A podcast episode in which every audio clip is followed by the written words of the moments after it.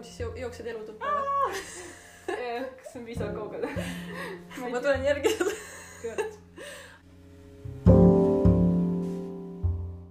tere, kuulate kirjutamiskohtingu kolmandat osa. väga sensuaalse häälega. kolm on minu õnnenumber, sest kolm, kolm null kolm saab minna kolmkümmend kolm. aga see pole üldse tähtis, palju olulisem on praegu rääkida harjumustest ja täpsemalt kirjutamisharjumustest. Ja täna me siis äh, sukeldume ka harjumuste maailma sellepärast, et, et kirjutamise puhul on kõige olulisem regulaarsus ja, ja paljud kirjanikud ütlevad nii podcast ides kui raamatutes, et lihtsalt kirjuta, no kuidas seda saada, seda regulaarsust? Leiad iga päev natuke aega selleks, et selle tegevusega tegeleda, et seda harjutada. ehk siis kujundad harjumuse. Jah, ja me puudutame ka seda, mida on vaja enne harjumuse kujundamist ehk harjumuste vundamenti, mis siis laias laastus on eluterve suhtumine ja tervislik elu. räägime samuti ka harjumuste loomise strateegiad lahti. ja siin tuleb puudutada ka inimtüüpe, sest kõige targem on ehitada oma harjumusi vastavalt isiksusele millal on õige aeg alustada? ja mis on vabandused ja takistused. kuidas meid mõjutavad teised inimesed? Kõige viimaseks tulevad ka mõned konkreetsed nipid ehk siis kuidas luua kirjutamisharjumusi. aga kõigepealt peaks alustama arvatavasti definitsioonist. et Gretchen Rubin minu arvates ütles oma raamatus Better than before väga hästi, et harjumus tähendab sellist asja nagu decide not to decide ehk sa otsustad mitte otsustada. sa elimine-, elimineerid mingist tegevusest otsustamise. sa tekitad sellest endale harjumuse sest iga kord, kui sa pead otsustama mingi tegevuse osas, et kas teha seda või mitte, siis sa kulutad oma tahtejõudu. ja tahtejõu kasutamine vajab hästi palju dis- distsipliini ja kokkuvõttes äh, väga palju nagu väsitab ära. kui sul miski on harjumus, näiteks hambapesu, siis sa ei pea iga õhtu tegema otsust, et nii, täna õhtul mina pesen hambaid. see tuleb lihtsalt niimoodi, et jah, plaks. no väga intuitiivne tegevus, sa ei mõtle selle Jaa. peale aktiivselt. et harjumus ongi siis intuitiivne ja ta, ehk siis regulaarne rutiinne käitumine, millest on raske loobuda ja see, et on raske loobuda, võib olla nii hea kui halb, et sõltub, kuidas see harjumus äh, sind mõjutab, mis suunas see on nagu sul on spordiga mm, -hmm. eks ole. raske loobuda ja ja kui sa vahele jätad sessiooni, siis, siis on halb tunne, siis Joo, jaa. oleks nagu, siis see häirib sind pikemat aega. ja ma tekitan endale võimaluse alati minna trenni. aga eks me sellest räägime takistuste ja vabanduste juures.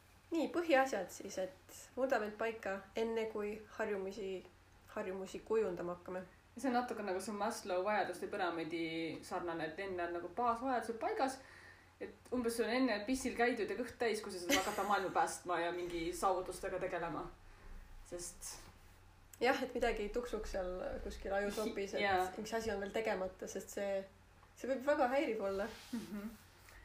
ja tegelikult eh, harjumused peavadki tuginema mingile vundamendile ehk tugisammastele, mida näiteks siis Gretchen Rubin oma raamatus pidas eh, järgmisteks nagu uni, füüsiline aktiivsus, tervislik toitumine ja natuke üllatavalt võib-olla ka, aga ka segaduse koristamine.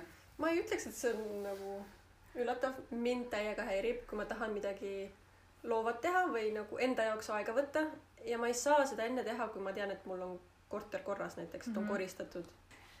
jaa, aga need neli tugisammast, nad on nii vundament, mis toetab kõiki teisi, aga need tugisambad nagu omavahel seotud. just näiteks, kui sa teed trenni, siis sul tuleb parem uni, mis on kosutavam, oled nagu päriselt väsinud, mitte lihtsalt teleka vaatamisest üle väsinud. ja siis, kui sa magad hästi, siis sa kokkuvõttes sööd tervislikumalt. Ja kui sa magad halvasti, siis üldjuhul teed halvemaid valikuid, sest väsinuna kuidagi ei jaksa mõelda lihtsalt jah, väsinuna tahad nagu kiirelt kiiresti otsustada, peaasi, et mingi otsus tuleb ja peaasi, et süüa Jaa. saaks. aga mina nagu, kui sellest segaduse koristamisest rääkida, siis siin peaks viitama korra Marie Kondole ja tema selle meetodile, kus ta hästi palju nagu rõhutab seda, et iga asja puhul peaks siis enda käest küsima, et kas see valmistab mulle rõõmu. kui ei valmista rõõmu, siis sul on vaja sellest lahti saada. sest mina arvan küll, et väga tähtis on ümbritseda nende asjade ja samas ka inimestega, kes sulle reaalselt rõõmu valmistavad. ja selline suhtumine, see nagu algab sellest kodukoristusest, aga tegelikult äh, rakendub ka kogu sinu elule ja vaimsusele. et sa õpid võib-olla oma elu ka paremini puhastama ja valid endale tegevusi ja inimesi ümber vastavalt sellele, kas nad valmistavad sulle rõõmu ja kas nad aitavad sul nagu areneda. et igasugu selliste põhiasjade juures on hästi tähtis ka, et kui hakkad harjumusi looma, et oleks vaja, et harjumus on jälgitav. et seda saab mingi asjaga mõõta näiteks näiteks eh, kui su harjumuseks on eh, kirjutamine, siis sa saad lugeda sõnu või eh, kirjutamisele kulutatud tunde. mm. -hmm. et eh, umbes, et otsustada, et ma kirjutan nüüd iga päev kaks tundi, Mm -hmm. mis on päris palju. aga Jah. selle sa saad konkreetse taimeriga käima panna ja ära mõõta. või siis nagu see ka sammude lugemine, et võtad eesmärgiks, et kümme tuhat sammu päevas, mis on küll nagu noh, omamoodi teema selles osas, kas kümme tuhat on kõige parem number või mitte. aga sellesse me praegu ei lasku, kes tahab, see guugeldab. aga jah, tähtis on asja mõõta, sest siis saab seda jälgida paremini. ja väga tähtis on leida ka harjumusele ajakavas konkreetne koht. sa pead selle jaoks mm. -hmm. nagu aja võtma et vähendada seda kaootilisust selle harjumusega mm. -hmm. sest kui tal on alati iga päev või iga nädal konkreetne aeg siis on minu arvates kergem siis ta on kavas sees jah. Ta on paigas, nagu ta on päeva alati- loomulik osa. ta on üks konstant su päevas mis ei liigu. Aga aja osas Gretchen Rubin tõi välja väga huvitava mõiste ka nagu power hour ehk siis ma ei tea võimas tund. Võimas tund. Ehk siis see võt- ta vahepeal võtab sellise ühe tunni endale mil ta teeb ära mingid väiksemad lohisema jäänud ülesanded et a la et kui mingi toolijalg on juba kuu aega logisenud ja ta lihtsalt on lükanud edasi et ma kunagi tegelen sellega selle ühe tunni jooksul ta lihtsalt teeb ära kui sa saad selliseid väikseid asju nagu endal ka kaelast ära siis on palju lihtsam keskenduda See- mõne suurema harjumuse loomisele. see logisev toolijalg minu arust läheb sinna segaduse koristamise alla. Ma ei No, saaks ma ei saaks normaalselt tööd teha aga seda sega- segadust sa võid koristada just selle power hour'i või selle võimsuse tunni ajal. Ahah. et mõtlegi, et nii, nüüd, nüüd on see tund, mil ma viingi selle prügi välja, mis ma siin nädal aega oodan, viin need pudelid taarasse, viskan selle mingi jura ära, et noh, vanad patareid minema. Jaa, et siis sa teed ära need asjad, mis jäävad lohisema ja nendest väikestest eh, ülesannetest tegelikult sa saad nii palju tahtejõudu, et siis sellest sa saad nii palju jõudu, et tegeleda reaalselt oma harjumusega, sa näed, et sa suudad tegelikult asju ära teha mm. -hmm. ehk sa suudad ka oma harjumust teha. ja kui see on näiteks iga iga päev samal ajal siis siis sa näed ka oma progressi no päris iga päev ei pea seda power no hour'it tegema. näiteks üks tund iga päev on päris palju. okei okay, see oli äkki see on nii palju halb näide ütleme et kui sa kord nädalas võtad selle Jaa. power hour'i et mingi asja ära teed siis sa näed ka progressi et kuidas noh näed kuidas see sinu päeva korrastab mm Mhm. -hmm. ja sinu nädalat korrastab võiks nagu loota, et inimestel nii palju asju ei jää lohisema, et iga päev on üht tundi vaja aga samas tegelikult iga tund päevas, kus sa teedki nagu reaalset asja, see kõlab ka päris hästi. aga see tundub nagu liiga palju aega võtta et ühest päevast kui sa juba tahaks harjumuse harjumuste jaa. jaoks aega võtta no eks igaüks vaatab ise, mis tema ressurss on. nii, aga mis veel oluline on harjumuste kujundamisel?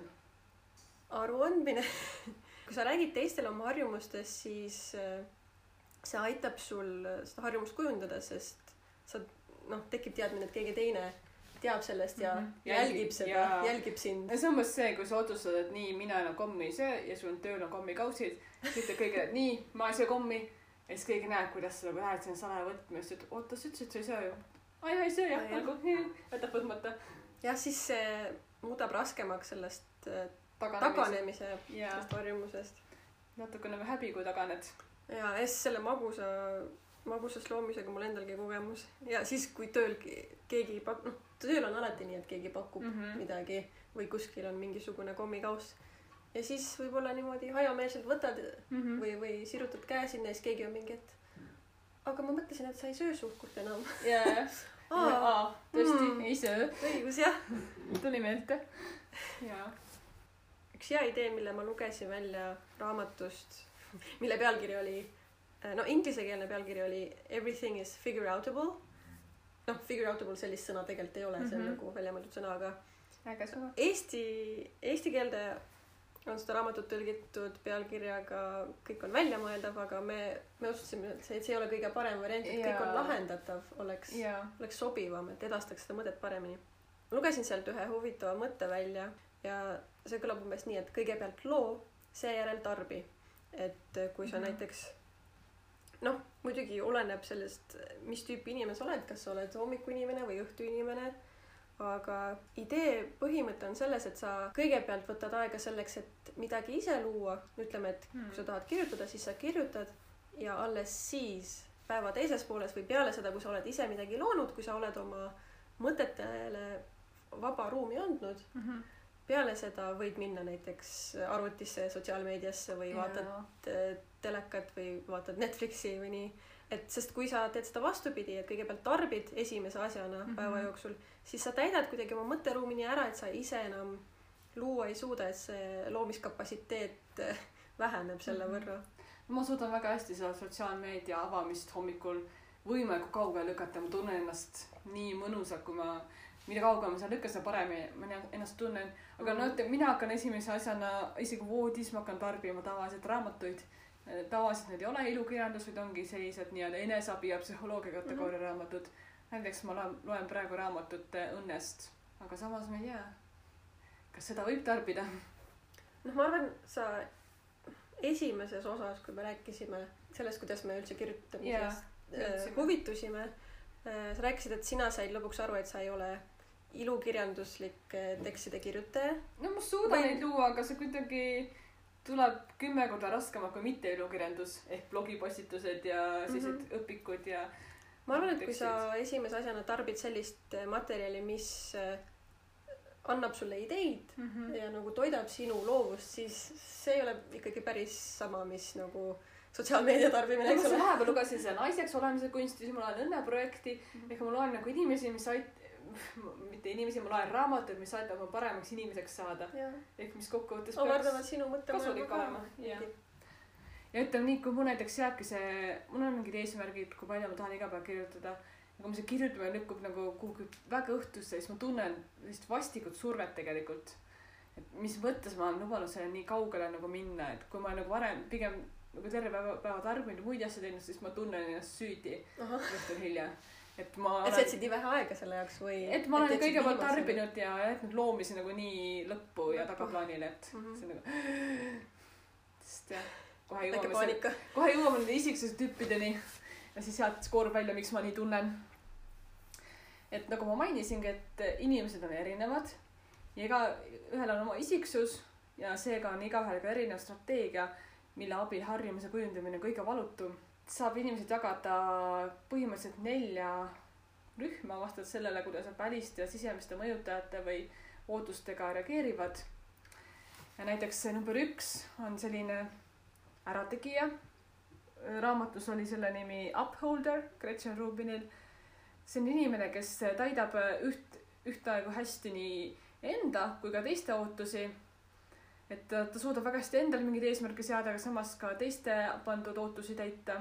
See on inimene, kellele meeldivad reeglid, ta tahab teada, kuidas mingi asi toimib, ta otsib alati süsteemi selle ülesande tagant. inimesele meeldib ka kindlasti saavutada palju, teha nimekirju ja tõmmata linnukesi, kui miski tehtud saab. see olen mina näiteks. ja selle inimese, see inimene ärkab hommikuti sellise küsimusega, et mis mul täna päevaplaanis on. ta ei kahtle, lihtsalt küsib, et mis on ja kõik, mis on, see tuleb ära teha. teine, mille inglisekeelne nimetus on questioner ehk siis eesti keeles kahtleja. tema täidab enda ootusi, aga ta ise kahtleb tegelikult teiste inimeste otsustes, et mm. -hmm. ja mõt-, mõtleb selle üle, et kas, kas see on mulle ikkagi vajalik. see on väga analüütiline noh, inimtüüp ja see inimene peab endale kõigepealt selgeks tegema, et mida, mida ma pean ära tegema ja miks ma seda teen kolmas tüüp on nii-öelda obliger ehk kohusetäitja, kelle jaoks on teiste ootuste täitmine lihtne, mm. aga samas ta ei suuda võib-olla endale mingeid ootusi tekitada, neid täita. ta vajab just seda välist survet, keegi ootab, et ta midagi ära teeks. ja see on inimene, kes hommikul ärgates küsib, et mis on mu tänased kohustused. ma arvan, et see kohusetäitja ei suuda isegi endale võib-olla alati välja mõelda neid eesmärke, sest ta on nii keskendunud teiste, ja, teiste ootustele. nii, viimane siis rebel ehk mässaja.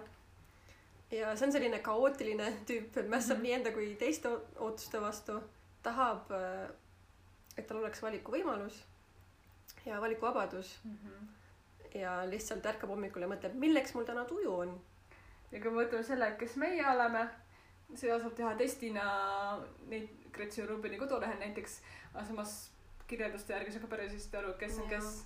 et ma sain väga kergesti aru, et mina olen see ärategija, kellele meeldib linnukesi teha, kes suudab ise endale palju ülesandeid püstitada, samas ka teiste asju ära teha.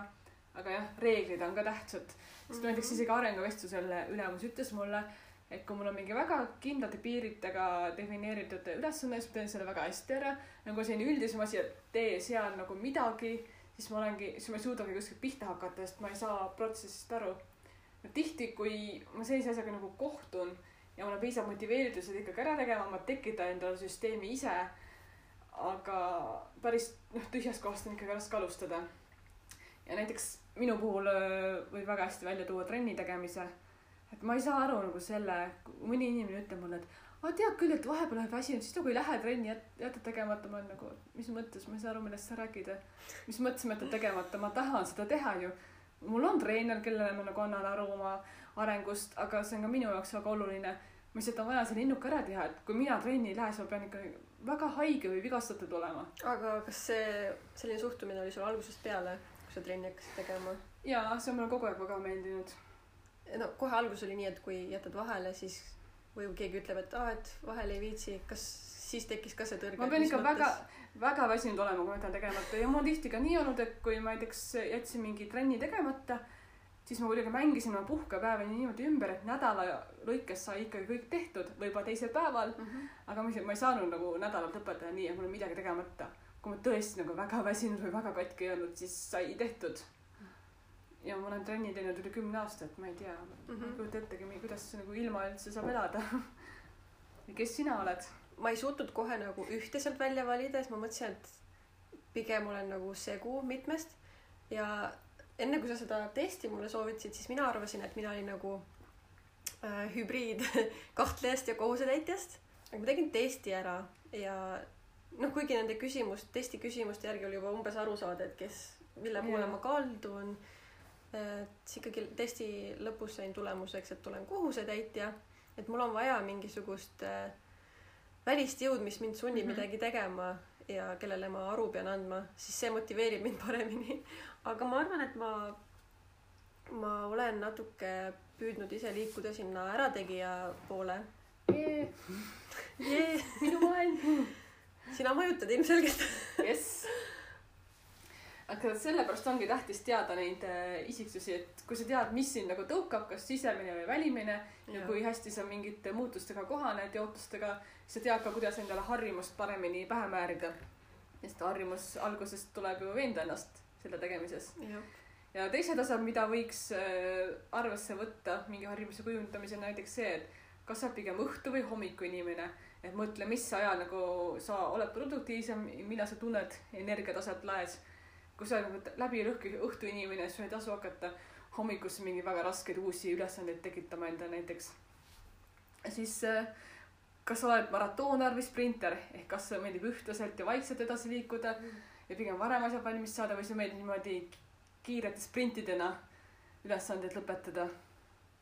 siis selline huvitav asi oli ka, et kas sa oled alustaja või lõpetaja. et äh, kas sulle meeldib näiteks oletame, et oled köögis ja sul on nagu üks teepakk juba lahti. kas sulle meeldib, et see üks saab tühjaks või sulle meeldib, et sul on mingi viis tükki korraga lahti, kas sulle meeldib neid avada või sulle meeldib, kui midagi saab tühjaks? aga kui mulle meeldib neid avada, aga mulle ei meeldi, et mul mitu asja korraga lahti on, mis see tähendab? sa oled alustaja. jah, tegelikult mulle kes meeldib, tahaks olla lõpetaja. jah, mulle meeldib alustada asju, sest alati alguses on selline põnevus ees ja nagu selline, asjadel on palju potentsiaali mingisugune mm. -hmm. ootus või ootusärevus, aga mingil hetkel tuleb tüdimus ka Mm. et ma olen päris mitu asja alustanud niimoodi, et, et ma nagu ei jõua päris lõpuni nendega. Nad kõik ja ma ei saa öelda, et, et ma ei nautinud neid, aga mm. -hmm. mingi hetk on selline, vajub ära nagu. jaa, ma tee-, mulle tegelikult meeldib ka väga palju alustada, mulle meeldib see alguse energia, aga ja, samas äh, mulle meeldib ka, kui asi saab tehtud, ma saan linnukese panna kirja, sest millegi lõpetamine annab ju võimaluse järgmise asja alustamiseks, sul tekib aga kas ruumi. ei teki oht, et sa nagu teed midagi ära ainult linnukese pärast, et siis kui, kui hästi sa siis teed seda, mis see kvaliteet ma on? ei tea, ma olen nii linnukeste inimene, et äh, mind see vist ei häiri aa, okei. mõned asjad Ma- ma..., mõni asi ongi vaja linnukese pärast ära teha, nagu mingi tolmu imemine või no seda küll jah. aga, aga, mulle kui harjumustest rääkida. ma ei tea, aga selles mõttes ma olen ka lõpetaja, sest mulle meeldib, kui mingi paks saab tühjaks, ma saan ruumi juurde, et no näiteks saab mingi vitamiin otsa või jah, siis mul on jälle nagu, mul on kodus vähem asju.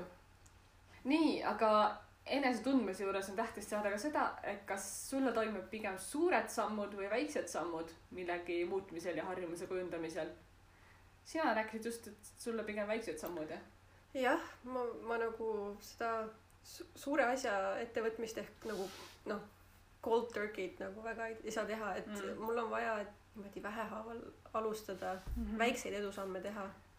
no siis kirjutamise Väikseid puhul, linnukesi no panna. kirjutamise puhul see võiks olla niimoodi, et äh, ongi, et sada sõna päevas, siis kakssada sõna.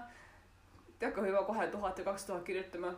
ma olen lugenud ka seda, et kui sul on mingi noh, selline suur lai eesmärk mm, Mhm. -hmm. et on hea seda jagada nagu väiksemateks, et mida ma võin täna ära teha selleks, et ja, ja jõuda selleni. no see on nagu minu see saja päeva märkmik.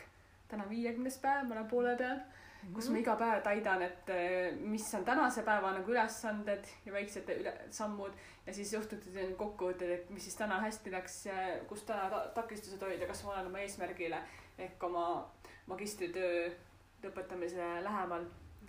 aga ütleme, minu see suure väikse sammu teema, mulle meeldib vahepeal väga suured ettevõtted, nii. Nüüd ma vahetasin spordiala, enam ei jookse, bikiini võttis, nii tšah-tšah, viis korda nädalas trenni, personaaltreener ja sügisel lähen võistlema, ta-ta-ta, hakkame bikiine valima, et mul oli niimoodi puh teha. mm. -hmm. mitte nii, et oo, ma siin aasta aega teen jõusaalis trenni ja siis mõtleme, seda saab, et ei, ma tahan nagu kohe suurelt teha. kuigi samas mulle meeldib ka suurt protsessi võtta väikesteks juppideks, sest siis saab teha rohkem linnukesi, mis on minu ärategija loomusele kasulik. Ja siis selle iseenda tundmise juures üks oluline tahk on võib-olla veel see, et eh, kui sa mõtled nagu harjumuse kujundamisele, siis mõtle sellele, kas sa tahad, kas sa pigem nagu ehaled preemiat või, või üritad sa vältida mingit eh, karistust. sul oli selle kohta mingi huvitav mõte vist jah?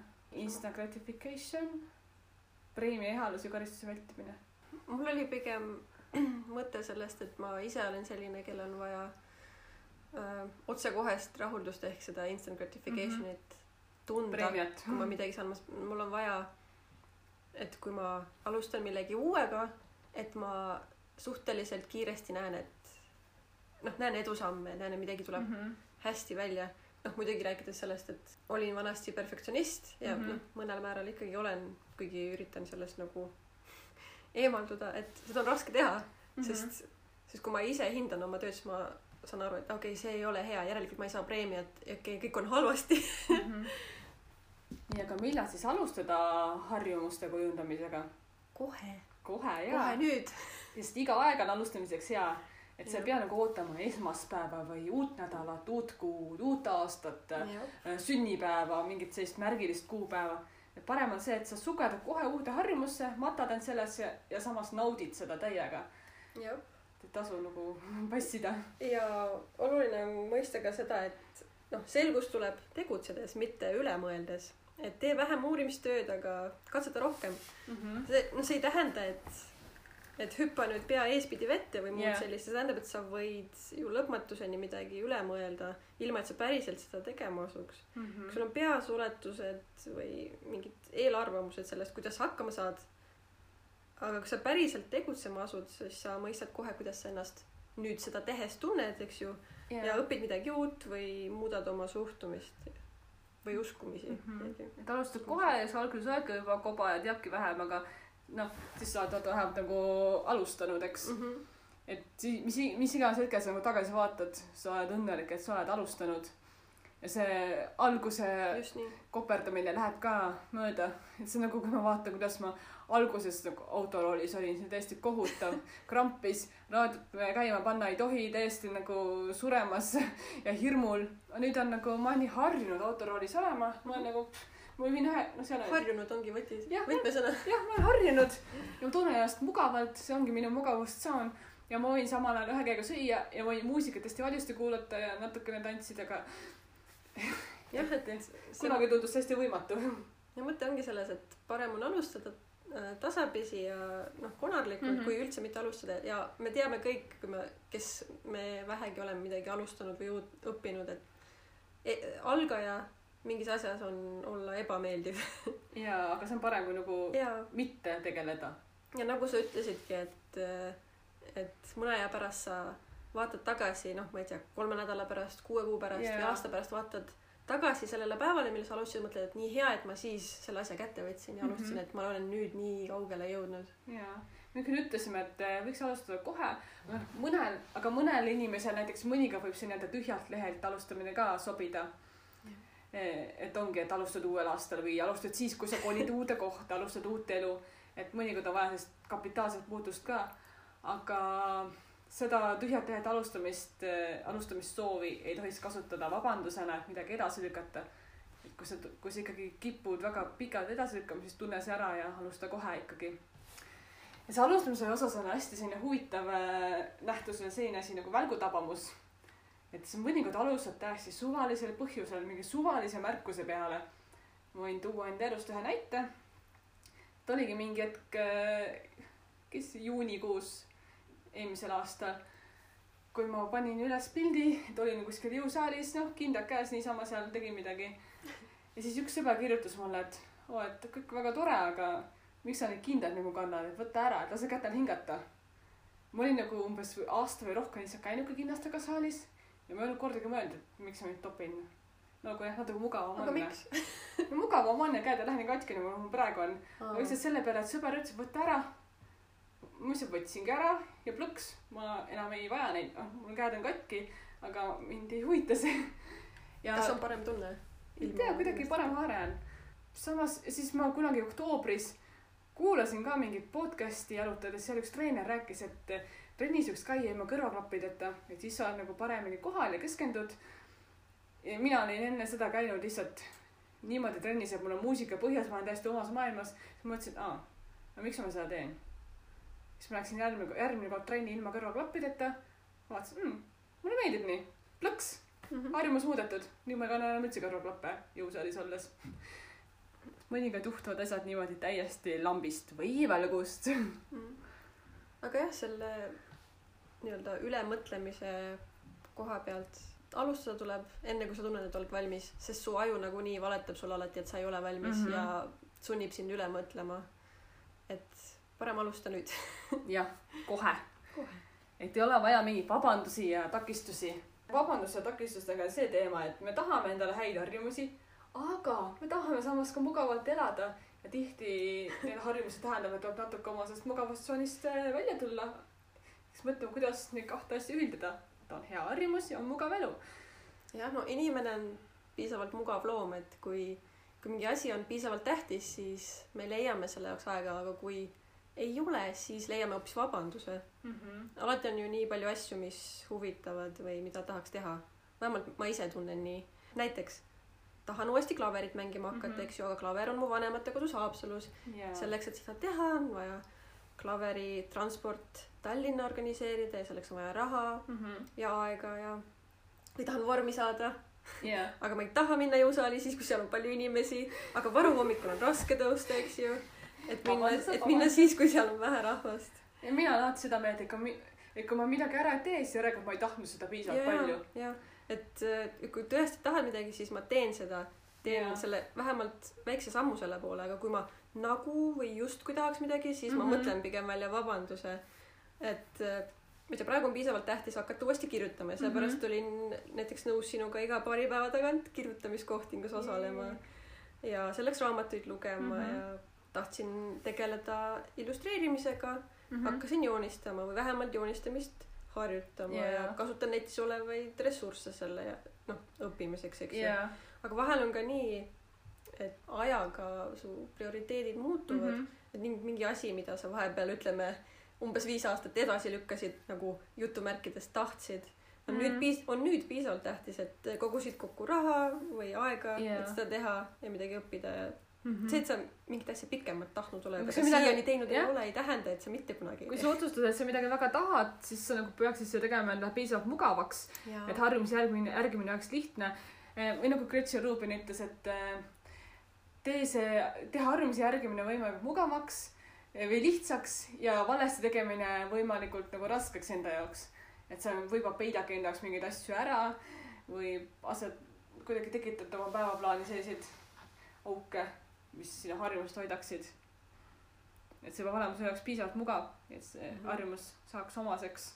sa pead äh, tundma oma takistusi ja vastavalt neile planeerima, et sa pead teadma, kas sa oled nagu see mõõdukas äh, tarbija või sul on vaja alati nulltolerantsi, näiteks võtame maiustuste teema.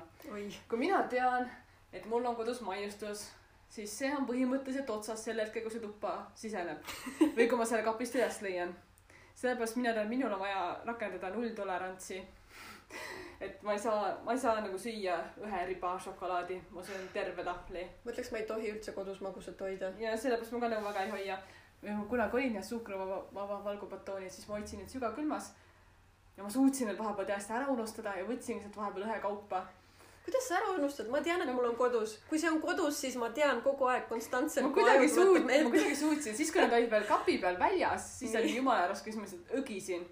aga kui ma panin sügavkülma, siis alati, kui ma võtsin batooni välja, siis see nagu täiesti jäine. see on minu jaoks mõistatus, sa ise panid nad sügavkülma, järelikult sa pead mäletama, et nad on seal. mul on see üldpildi teema, ma unustan detaile päris kergesti õnneks. et nagu vahepeal, kui meedia tuli, siis ma võisin ka kolm tükki järjest ära süüa, aga kuna ma panen kõik oma toidud kirja, siis ma natuke ikkagi dis-, distsiplineerin ennast.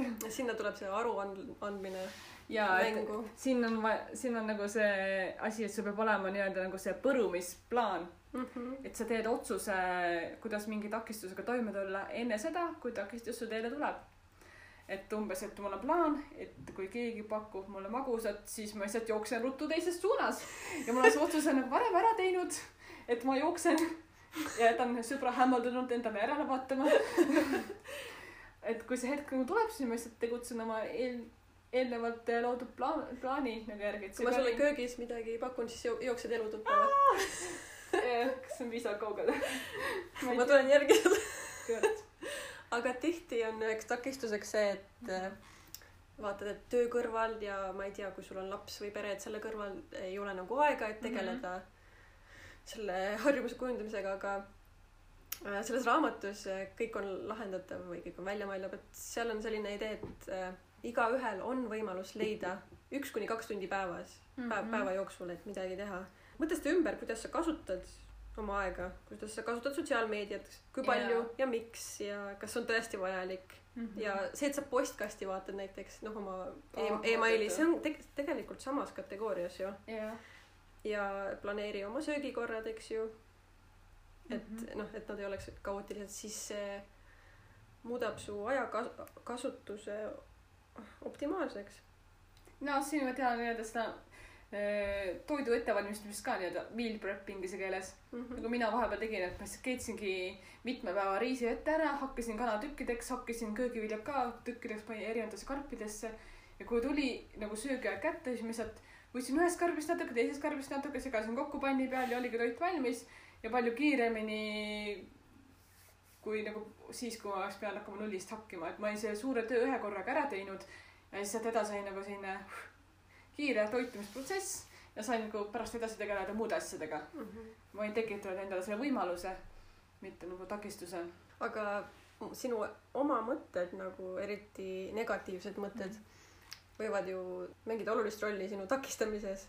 üks asi, mis, mille kohta ma lugesin ka selles raamatus oli neuroplastilisus ehk ajuplastilisus, põhimõtteliselt yeah. ajujooga. ajul on kogu elu vältel võime asju juurde õppida mm. -hmm. sest aju paindub ja sirutub nii-öelda piltlikult öeldes ja loob uusi ühendusi. teadusesse laskumata lühemalt öeldes, sul on võime muuta oma mõtlemismustreid. et kui sul on kogu aeg negatiivsed mõtted millegagi seoses, siis sa lihtsalt võta ja kaaperda need mõtted ja hakka neid samm-sammult positiivsete mõtetega mm. -hmm. asendama. näiteks no kui me räägime loovkirjutamisest, kirjutamise harjutamisest ja õppimisest, selle asemel, et mõlgutada mõtteid sellest, kui laisk või andetu sa oled ja kuidas sa nagunii ei saa hakkama, et sa pead pöörama olukorra ümber ja yeah. mõtle hoopis, et kui tore on see, et, et ma leidsin täna noh, tänasest päevast aega selleks, et kirjutada ja, et tore, et, et panen mingeid mõtteid paberile ja harjutan.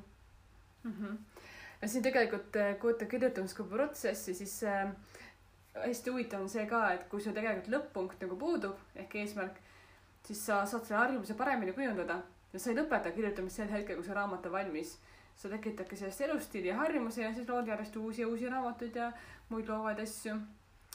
ja siis mulle meeldis ka see, kuidas Gretchen Rubin oma raamatus väga võrdles preemiaid ja maiuspalasid ehk siis reward ja treat. Et preemia tegelikult, et sa ei tohiks nagu panna mingeid preemiaid kui sa midagi nagu ära teed, et selle lõpus ootab preemia, siis nagu ootage on see lõpp-punkti, et sa protsessile ei keskendu. et mõtle selle preemia ongi asja hästi tegemine, et see protsess ise. ja pigem nende lõpp-punkti preemiate asemel pane endale maiuspalad, mis tulevad suvalisel hetkel. nii et sa ei sea, nagu selline nagu just because, et lihtsalt see, mis ma tahtsin. Tuh lampi, keset harjumust tuleb mingi, ma ei tea, spaakülastus või uus hea raamat või toiduga parem mitte premeerida. tuleb sinna hea maiuspala. tekitad hoopis halva harjumuse. et ta ei seostu, sa ei seostu selle harjumusega, sa lihtsalt nagu, lihtsalt hellitad ennast suvalisel hetkel ja nagu annad endale ka natuke rohkem asu, et ei piina ennast lihtsalt, see harjumusega tegelemine ei ole sul nagu kannatamine, vaid see ongi tore asi ja siis vahepeal tuleb nii-öelda lambist nagu selline midagi head ka. Ja üks vabandus ja takistus, mis inimestel on, on ka see oma identiteedist kinnihoidmine et inimestel on väga palju selliseid eh, arvamusi enda kohta, et oo, et aga mina olen ju selline inimene, kes ei tee mitte kunagi trenni või ei kirjuta. et eh, korra nagu mõtle, tunneta, et, et millal selline kinnihoidmine ei teeni, et kui sa näiteks hoiad sellest kinni, et mina olen inimene, eh, kes ei tarbi narkootikume, noh, siis sellest sa võid kinni hoida. aga kui sa mõtled, et mina olen inimene, kes kirjutab, siis sellest võiks, sellest võiks ka kinni hoida, aga aga või, aga ei tasu mõelda nii, et mina olen inimene, kes millegagi hakkama ei saa, et kuhu see sind viib nagu, et milleks sul sellist identiteeti vaja on. aga identiteet on nagu mõnes mõttes ongi su mugavustsoon, sest sa ja. otsustad, et see on minu identiteet. aga selles mõttes, et sa peaksid mugavustsoonist välja astuma ja minema üle sinna arengutsooni ehk kasvutsooni, kus sa midagi uut harjutad, midagi uut õpid. sest et kui sa seda piisavalt kaua teed, siis mõne aja pärast muutub see sinu uueks mugavustsooniks mm, -hmm. et sa järjest nagu kasvatad tekitad endale juurde neid mugavustsoone ja siis sul on uus identiteet või su identiteet rikastub mm.. jaa. nii, aga kuidas sa saavad teised inimesed sinu harjumuse kujundamist mõjutada? kas nad äh, aitavad kaasa või takistavad? no ütleme nii, et teiste inimeste puhul äh, tasuks kõigepealt teada seda, et sa ei saa teisi inimesi muuta. aga nad võivad muutuda kui nad näevad, äh, kuidas sina teed midagi ägedat ja nad võivad sellest võtta eeskuju mm. -hmm. et minul on viimasel ajal väga palju tulnud üllatuseks see, et ma olen nagu kogu aeg palju trenni teinud ja jaganud seda ka, et ma teen ja viimasel ajal on hakanud mingid inimesed nagu ütlema mulle, et oh, ma vaatasin, et sa teed nagu nii palju trenni, et ma läksin ka, sest sina teed, ma nagu oo oh, vau, et kas ma tõesti nagu suutsin kedagi niimoodi mõjutada, ilma et ma seda teadlikult nagu tee-, suunaksin. no see no. tavaliselt ei olegi teadlik jah. Ja et aga noh, ongi see, et mina ei saagi kedagi veenda, et inimene peab ennast ise veenma alati sest.... lihtsalt ma arvan, et nad vaatavad kõrvalt, et kuidas sa teed, kui hästi sul välja tuleb ja kuidas see sulle meeldib. et nad arvavad, et tahaks ennast ka nii hästi tunda või nagu. jaa ja., ehk siis äh, tasub ka endale võtta mingeid positiivseid eeskujusid, kui sa tahad mingis suunas liikuda. kasutada nende seda nakkavat olemust. jah, ja ei tasu ennast heidutada, sest alati on keegi, kes, kes sind kritiseerib ja mm -hmm. noh, inimeste arvamusi sa ka ei saa muuta. jaa, täiesti. ja nii, senikaua kui, kui on keegi, kes midagi loob või kirjutab mm, -hmm. on, on ka kedagi, kes seda kritiseerib. kui sa vaatad mingisuguste raamatute arvustusi. jaa, absoluutselt. absoluutselt sama ju. jaa, et pigem nagu noh, unusta need kriitikud ja veeda aega inimestega, kes toetavad sinu soovitud harjumust. näiteks konkreetselt siis, kes ka samuti kirjutavad ma siin muidugi istun ja olen mingi jaa, jaa, nõus sellega, et unusta kriitikut, ise passin kogu aeg mingi oh my god, oh my god, see ei tule hästi välja, see ei meeldi inimestele, mida inimesed minust arvavad. küll läheb paremaks. ma siin praegu räägin mingi jaa, see on nii lihtne. ega see ei ole tegelikult. aga vaikselt tuleb harjutada, siis tekib harjumuseks ja kriitikasid ei koti. aga noh, mina hästi palju selline inimene, kelle ümber nagu seltskonnad on muutunud, mõni nagu ringiga tagasi ka tulnud, et vastavalt sellele, mida mina konkreetsel eluetapil vajan. nii ma alati nagu valin inimesi vastavalt sellele enda ümber, et mis on hetkel minu elus oluline. ja see on aidanud mul väga palju kasvada. vot teised inimesed on toredad toredad. aga kui rääkida konkreetsetest nippidest kirjutamisharjumuse loomiseks, noh, nagu ma alati ütlen, et algul lihtsalt kirjutage täieliku saasta. peaasi, et sa kirjutad, sest tuleb tegeleda asjaga jah, aga ära mõtle, et see on saast. tee ajujoogat, ütle, et hea, et ma midagi kirjutan, see on progress. ja progress ongi parem kui täie-, täiuslikkus, et pigem keskendu sellele, et sa teed kogu aeg, mitte Mhm. sellele, kui hästi see sul alguses välja tuleb. ja pidev tegemine, harjutamine lõpuks viib su hea tulemuseni. Mhm. aga samas peaks leidma endale ka parima aja, millal tegeleda, kas hommik või õhtu või äkki sobib üldse lõunapausi ajal või mingitel muudel väga veidratel, ma ei tea, reklaamipauside ajal kirjutamine, kui sa oled mingi hull telekavaataja. mõned kirjanikud on terved romaanid valmis kirjutanud äh, rongis tööle sõites või äh, lõunapausil autos. minu jaoks kõlab, mis mõttes ma lähen autosse kirjutama, aga nii on tehtud. see lõunapausil autos on nagu, et lähed oma tuppa, paned ukse kinni põhimõtteliselt jah. ja kirjutad. eks tulebki katsetada neid erinevaid variante ja tegeleda sellega sobivamal ajal. ja kui mõelda nagu erinevate isiksuse tüüpide järgi harjumuste juurutamise üle, siis äh, näiteks see ärategija tüüp, keda nii sisemised kui välimised äh, asjad motiveerivad, on see inimene, kes peaks kirjutamise endale konkreetset ajakava panema, sest siis saab teha linnukese, mis talle väga meeldib. mulle meeldib väga panna endale kirjutamise eesmärke ja mulle meeldib neid täita. kahtleja Mm. oli see, kes pidi oma miks'i leidma. ta peab siis otsustama, et kirjutamine on talle vajalik ja üks võimalus selle tegemiseks on lihtsalt panna kirja põhjused kirjutamiseks mm. -hmm. nii, kuidas sina kui kohusetäitja saaksid Oh, harjumusi juurutada? no ma olen seda juba teinud natuke, sest ma leppisin sinuga kokku, et me kirjutame vähemalt paar korda nädalas, Mm -hmm. pool tundi. jah, et kohusetäitjal on vaja kellegagi kokku leppida, et kirjutame koos ja siis. või siis kedagi, kes küsiks ta käest, et kas sa täna kirjutasid jaa, see on see, on, tekibki see kohustus sõbra ees, et Jaa. ma ju lubasin, et ma kirjutan. mida mässa tegema peaks, kes tahab hästi palju vabadust kui sa oled mäts-, mässaja, siis otsusta, et sa tahad kirjutada. kirjuta igal hetkel, mil tuhin peale tuleb. ja, ja siis äh, tasapisi märkad mustrit, et Mhm. millal siis see tavaliselt juhtub. nii, ja siis ma tahtsin tuua välja veel ühe asja. üks sõber mulle kunagi ütles, et eh, kui sa palju harjutad, siis sinust saab hea harjutaja. tükk aega mõtlesin selle peale, et noh, harjutada on ju nagu vaja, aga, aga noh, et kuidas siis, kas tõesti, kui ma harjutan, minust saab hea harjutaja, mitte nagu meister. aga ma arvan, et selleks, et saada paremaks, tuleb igasse harjutamisse lisada võib-olla natuke ka õpimomente ehk siis asetada ennast mugavustsoonist välja, näiteks teha neid loo kirjutamise harjutusi mida mina sunnin ennast tegema. ma mõnikord nagu vaatangi mingi raamatust loo kirjutamise harjutuse otsa, ma nii, et oota, mis mõttes nagu selline harjutus, ma ei taha, aga pekki, kuna ma olen ärategija ja see on mul seal ees, täpselt siis ma pean selle ära tegema. ma ei saa enne järgmist lehekülge pöörata ega edasi lugeda nagu seda lõbusat teoreetilist osa, kui mul pole harjutus vahepealt ära tehtud.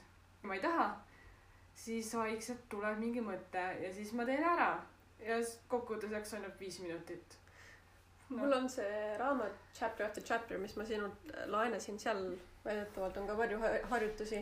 aga Jaa. ma kardan, et kui ma ise selle raamatu lahti teen ja vaatan midagi, siis ma pigem kukun sirvima selle asemel, et Mm. teha järjest, mul on vaja, et sa mulle mingeid harjutusi ette viskaks. mina tegin sa lihtsalt järjest läbi. Kõiki harjutusi ei teinud, sest äh, ma ei teinud näiteks harjutust, et loe sada raamatut, sest mm. siis mul oleks terve igaviku selles peatükis olnud, aga noh, enamik mõistlikud harjutusi ma tegin ära. aga me oleme jõudnud finišijoonele. mis me siis eh, kokkuvõtteks saame öelda? no kui tahad harjumust, siis sul tuleb eh, selle kujundamisega alustada, lähtuda kindlasti iseendast, oma kalduvustest, isiksuse tüübist ja püüda võimalikult vabandused takistused tee pealt eemaldada ja mõelda sellele, et kui sa midagi päriselt tahad, siis sa leiad võimaluse ja, alati. ja sa pead endale meelde tuletama, et, et sa ei, ei räägiks endaga negatiivselt, ole lahkem enda vastu mm. Mhm. ja lihtsalt jälgi, et, et sa pidevalt midagi harjutuks, harjutaksid ja et oleks progress. ja mm. -hmm. eks sa millalgi jõuad ka hea tulemuseni, kui see päris algusest, päris alguses ei teki.